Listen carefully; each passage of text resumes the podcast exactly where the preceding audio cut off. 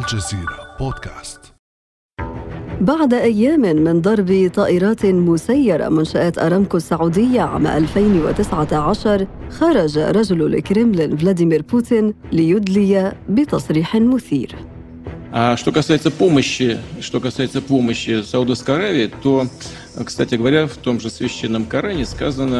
القرآن الكريم لا يجيز أي نوع من أنواع العنف إلا إذا كان المقصد هو حماية شعبك. نحن على استعداد لمساعدة السعودية لحماية شعبها ووطنها. يكفي أن تتخذ القيادة السعودية قرارا حكيما بشراء منظومة الإس 300 كما فعلت إيران. خلال العقد الماضي تبنت موسكو نهجا براغماتيا تجاه المنطقة العربية فتارة تلعب دور الوساطة بين الخصوم وتارة تسوق نفسها حامية للمنطقة. وأحيانا تصبح الطائرات الحربية لغتها الوحيدة يحكي الصحفي المصري الراحل محمد حسن هيكل روسيا جت في سوريا ولعبت دور معطل. أيوه. وهذا الدور المعطل الذي اعترض وضع القوة الأمريكية في مأزق وده مأزق عاوزك تتكلمي عليه عاوزين نتكلم عليه لأنه سوف يؤثر علينا في مستقبل أيام. اليوم روسيا تدق طبول الحرب على الحدود الأوكرانية والعالم كله يترقب أما عالمنا العربي فيسوده الصمت منتظرا مصيره فما هي تأثيرات الأزمة الأوكرانية سياسيا واقتصاديا على المنطقة العربية؟ وهل ينخرط العرب في الأزمة بين روسيا والغرب؟ وما حدود تمدد النفوذ الروسي في منطقة الشرق الأوسط على خلفية الأزمة الأوكرانية؟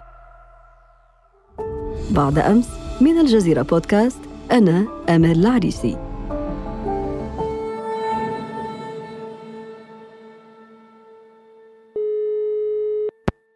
في هذه الحلقة يسعدني استضافة الدكتور إبراهيم فريحات أستاذ النزاعات الدولية بمعهد الدوحة للدراسات.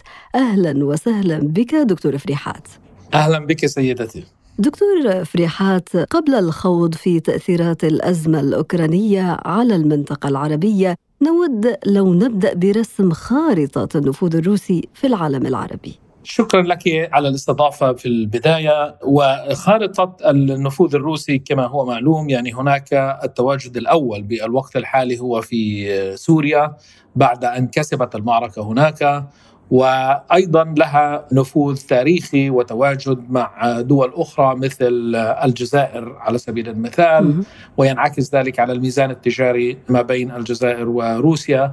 وأيضا هناك وجود آه، في ليبيا تاريخيا طبعا وبعد ذلك آه، بعد انهيار النظام بعد اشتداد الأزمة في ليبيا والحرب الأهلية هناك كان لروسيا دور فعال في ليبيا. أيضا فهناك وجود نفوذ قوي. هناك نفوذ أيضا في مع إيران حليفة روسيا في سوريا وأيضا تحاول روسيا من خلال بيع الأسلحة أن توجد لها نفوذ في الخليج أيضا.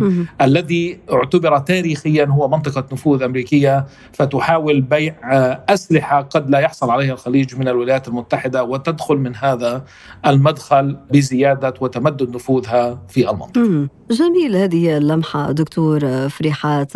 بالعودة إلى الأزمة الأوكرانية الحالية برأيك هل هناك مواقف رسمية من الدول العربية إزاء ما يجري؟ يعني الترقب هو سيد الموقف بشكل عام وهذا يذكرني أمال في محادثة سابقة كانت لنا عندما كنا في نناقش موضوع الحرب في ناغورنو كاراباخ بين أرمينيا وأذربيجان. وكان أيضا الترقب يسود الموقف.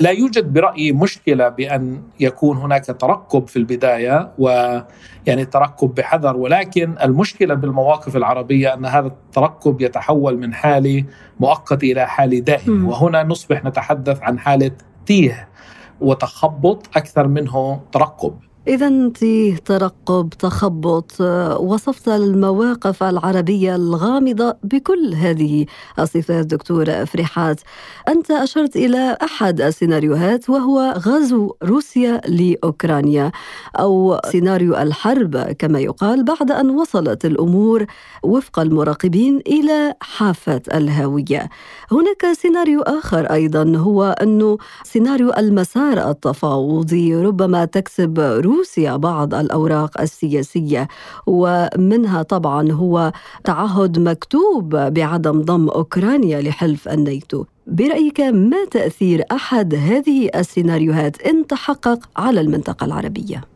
يعني اولا دعينا نحاول أن نشخص المنصات الدبلوماسية في الوقت الحالي. طبعا هناك مجموعة من المنصات يعني المحادثات من ضمنها المجلس الامن من ضمنها محادثات مباشرة بين الولايات المتحدة وروسيا الناتو وروسيا. وأيضا هناك باعتقادي الصيغة الأقوى هي ما يسمى بالمنصة النورماندي التي بدأت عام 2014 بتوسط ألمانيا وفرنسا بالصراع ما بين أوكرانيا وروسيا. دعيني هنا أشدد على مسألة أن أحد هذه الاحتمالات لحل الأزمة دبلوماسيا هو أن تحصل روسيا على مطالبها الكاملة. بمعنى أن آه، والمطلب الروسي هنا آمال هو يتمثل بشكل أساسي بأن النظام العالمي الأحادي القطبية قد انتهى. وقد دخلنا في مرحلة متعددة الأقطاب. بمعنى متعددة الأقطاب أن روسيا تعود إلى مكانها فيما قبل الحرب الباردة وأن يكون هناك تأثيرها ضمن المستوى العالمي وخارج عن حدودها التقليدية. وهذا المطلب جاء واضحا على لسان لافروف حيث صرح وقال بأن نظام احادي القطبية قد انتهى من الآن ودخلنا في مرحلة التعدد الاقطاب. ماذا يعني ذلك؟ هذا يعني بأن النفوذ الروسي في العالم العربي سيتزايد. بالوقت الحالي الموجود فيه وسيكون هناك زيادة أكبر للنفوذ الروسي بحيث أن يكون هناك اعتراف أمريكي ومن الناتو بالدور الروسي على مستوى النظام الدولي وعلى مستوى الساحة الدولية. ماذا يعني وجود أو زيادة النفوذ الروسي في العالم العربي؟ هل هذا مشكلة؟ دكتور فريحات هذه النقطة مهمة التي أشرت إليها وهي تأثيرات التمدد أو تزايد التمدد الروسي في المنطقة العربية وفق تقديرك. هل هذا في مصلحة الدول العربية أم أن له مخاطر على الأنظمة العربية خاصة وأن هناك تجارب انتقال ديمقراطي متعثرة؟ هذا برأيي أهم سؤال يجب التفكير فيه عربيا وهو عن تأثير النفوذ الروسي في المنطقة. أول تأثير بأن الاحتكار الأمريكي للقرار السياسي في العالم العربي عندما كنا نعيش نظام أحادي القطبية هو سيكون سيتزعزع وسيتراجع وسيكون هناك أكثر من صانع قرار على المستوى الدولي في العالم العربي. وانتهاء لعالم أحادي القطبية زيادة النفوذ الروسي في المنطقة العربية وأن تصبح جزء من القرار في هذه المناطق هذا يعني أن النهج الروسي المتمثل بدعم الدكتاتوريات ودعم الأنظمة الاستبدادية هو أيضا سيتزايد وسينتعش وسيكون هناك وجود روسي داعم لمثل هذه الأنظمة وتاريخ النفوذ الروسي أو التدخل الروسي في العالم العربي هو معروف يعني في سوريا وفي ليبيا أيضا دعم خليفة حفتر وإلى آخره. فهناك رغبة أو توجه روسي اللي هو بدعم الأنظمة الاستبدادية في العالم العربي وهذا برأيي سيؤدي إلى انتعاش وهناك طبعا تراجع للحريات تراجع للتحولات الديمقراطية.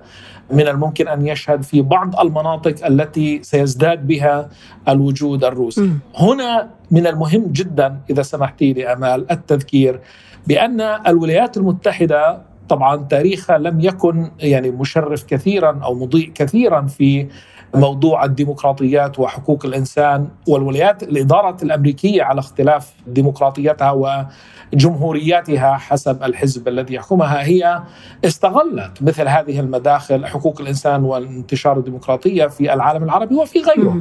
ولكن بنفس الوقت أنا برأيي تبقى من ناحية الولايات المتحدة أن هناك مؤسسات يمكن تحدي الإدارة الأمريكية فيها، هناك القضاء على سبيل المثال، هناك يعني يمكن مقاضاة تصرفات الإدارة الأمريكية في المحاكم الأمريكية نفسها. ولكن فهناك مؤسسات يمكن تحدي الإدارة الأمريكية بقراراتها المختلفة ومؤسسات دولية.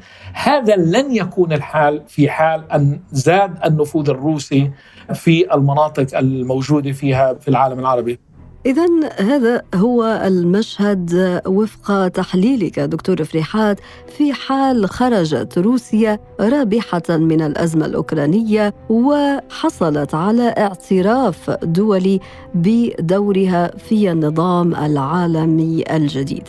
لكن هنا ننتقل إلى السيناريو الآخر في حال نشوب حرب بين روسيا وأوكرانيا لا شك أن الأثر الاقتصادي سيكون كبير جدا على العالم بشكل عام وخاصة على العالم العربي.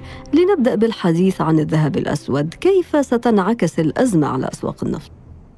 شكرا لك أمال هذا باعتقادي عصب المسألة في الوقت الحالي وهو الأثر الاقتصادي على العالم العربي في حال نشوء حرب بين روسيا وأوكرانيا. اولا يعني دعينا نتعامل مع بعض الحقائق الأرقام. بالنسبة إلى روسيا روسيا هي تعتبر يعني مساهمتها بإنتاج وإصدار النفط العالمي حوالي 13% وهذا طبعا كمية كبيرة جدا. ومن الممكن طبعا أن يحدث يعني هناك تأثير على أسعار البترول زيادة لها في هناك اسعار الطاقة استهلاك الطاقة في العالم العربي أيضا من الممكن أن يزيد بهذه الحالة. هناك توقعات بأن سعر برميل النفط من الممكن أن يرتفع لحوالي 30 دولار للبرميل الواحد إذا حدثت يعني حرب ما بين أوكرانيا وروسيا فهذا الارتفاع بالأيام الأولى. وهذا طبعا سينعكس على فواتير الكهرباء والطاقة في العالم العربي أيضا لأن باعتقادي التمدد الذي أو الواردات من روسيا هي من الممكن أن تتأثر ليس فقط في العالم العربي ولكن في أوروبا. م. أوروبا التي تعتمد على حوالي 40% من واردات الطاقة من الغاز هي تأتي من روسيا. م. وهناك أيضا خط نوردستروم الذي تقوم لروسيا بمده إلى أوروبا أيضا من الممكن أن يتأثر بهذا الجانب. في هذا السياق دكتور فريحات تحدثت منذ بداية الحلقة عن دول قد تقتنص فرص عن دول قد تستفيد من الأزمة الأوكرانية. وبما أنك أشرت إلى ملف الغاز من هي الدول التي يمكن أن تستفيد من هذه الأزمة بالذات؟ تحديدا في موضوع الغاز وهو برأيي الذي يجب أن نلتفت إليه أكثر حتى من موضوع البترول لأن الغاز روسيا هي الدولة المصدرة الأولى في العالم في موضوع الغاز.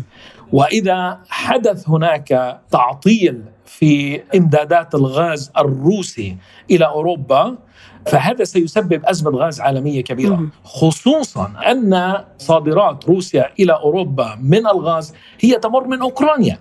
وطبعا ستكون هناك يعني تعطيل بكل تأكيد إذا بدأت الحرب. وأيضا من الممكن أن تلجأ روسيا نفسها إلى وقف إمدادات الغاز إلى أوروبا إذا تحالفت أوروبا مع أمريكا في هذا الصمود، اذا من سيسد هذا العجز من الغاز على المستوى العالمي؟ هناك دولتين عربيتين بشكل أساسي ممكن أن يستفيدوا من هذا الجانب، الدولة الأولى هي قطر، طبعا لأنه قطر هي الدولة الثانية في العالم المصدرة للغاز في العالم بعد روسيا، بالمناسبة صادرات روسيا من وإنتاجها من الغاز تبلغ حوالي 200 مليار متر مكعب في العام الواحد بينما قطر تأتي بالمرتبة الثانية. بحوالي 140 مليار متر مكعب. فإذا هذا قطر هي المرشحة أن تستفيد من هذه الفرصة وقد رأينا ذلك بالمناسبة أن تم ترجمته سياسيا بأن أمير دولة قطر هو موجود في واشنطن في الوقت الحالي ورأينا أنه قد تم يعني اقتناص مثل هذه الفرصة وقد تم ترجمة هذه الحاجة إلى الغاز القطري إلى مكاسب سياسية بحيث إنه أعلن بايدن بأنه سيتم تصنيف بأنه سيبلغ الكونغرس بأنه سيصنف دولة قطر على اعتبار أنها حليف رئيسي للولايات المتحدة خارج إطار الناتو. وما معنى ذلك دكتور فريحات؟ هذا المكسب السياسي يعني ما المقصود به؟ يعني اولا يجب أن نعرف ماذا يعني أن تكون شريك أو حليف رئيسي خارج إطار الناتو، اولا هناك 16 دولة في العالم. فقط من يحصلون على هذا الامتياز من ناحية الولايات المتحدة تصنفهم بهذا الاتجاه، بالمناسبة هناك دول عربية منها الأردن ومنها البحرين أيضا. هي تحصل على هذا الامتياز. معنى ذلك أن تحصل على مثل هذا التصنيف بأنه يتم ذلك ترجمته إلى امتيازات في مجال الأمن والدفاع. ولكن من المهم أمال التوضيح هنا أن هذا التصنيف لا يعني معاهدة دفاع مشترك على سبيل المثال، يعني لا يلزم أمريكا اللي هو بالدفاع هو ليس حلف أمني، هذا طبعا يؤهل هذه الدول أن تحصل على دعم من الولايات المتحدة حتى ولو كان لا يوجد صيغة قانونية لإلزامها، لإلزام الولايات المتحدة بالدفاع عنها، ولكن معلوم انها أن هذه الامتيازات تساعدها كثيرا. إذا تحدثنا عن مصالح، عن فرص، عن إمكانيات للاستفادة سواء مكاسب اقتصادية أو مكاسب سياسية لبعض الدول العربية. لكن في المقابل نشوب أي حرب الآن على أوكرانيا قد تكون له تداعيات قد تهدد الأمن الغذائي لعدد من الدول في المنطقة العربية. نحن نعرف أن أوكرانيا تعتبر سلة غذاء لأوروبا وللعالم حتى. هي مصدر رئيسي للذرة للقمح والشعير. على سبيل المثال مصر ولبنان وفق الإحصائيات تعتبران من بين أكبر الدول المستهلكة للقمح الأوكراني. أليس كذلك دكتور فريحات؟ بكل تأكيد أمال 11% من صادرات العالم من القمح تأتي من روسيا. و14% من صادرات العالم من الذرة تأتي من أوكرانيا. ولبنان ومصر والأردن 50% من وارداتها من القمح والذرة هي تأتي من أوكرانيا وروسيا. طبعا في حال أن نشبت الحرب هذا سيكون له انعكاسات سلبية بشكل كبير على الأمن الغذائي العربي تحديدا في مثل هذه الدول التي تعتمد على مثل هذه الواردات. أنا لا أعتقد يعني ليس لدي رغم أن يعني بشاعة الحرب ويعني لست على درجة من التشاؤم ب مثل عدد من الاقتصاديين الذين يتنبؤون باختفاء الخبز من السوق في لبنان ومصر لا أعتقد أننا سنصل إلى مثل هذه المرحلة. ولكن أيضا لا نريد أن نخفف من الآثار فبالتأكيد سيكون هناك انعكاسات سلبية وسلبية جدا وارتفاع قد يكون حاد في أسعار الخبز والذرة في مثل هذه الدول. وما له من أثر على الأمن الغذائي، هنا الأمن الغذائي ليس بالضرورة أن يختفي الخبز من السوق ولكن ارتفاع الأسعار، بالمناسبة امال البنك الدولي رصد أن هناك حتى هذه اللحظة أي قبل نشوب الحرب أن سعر الذرة والقمح قد قفز بنسبة 4 إلى 6% حتى هذه اللحظة أي قبل على مجرد يعني طبول الأزمة وقرع مثل هذه الطبول ارتفعت الأسعار.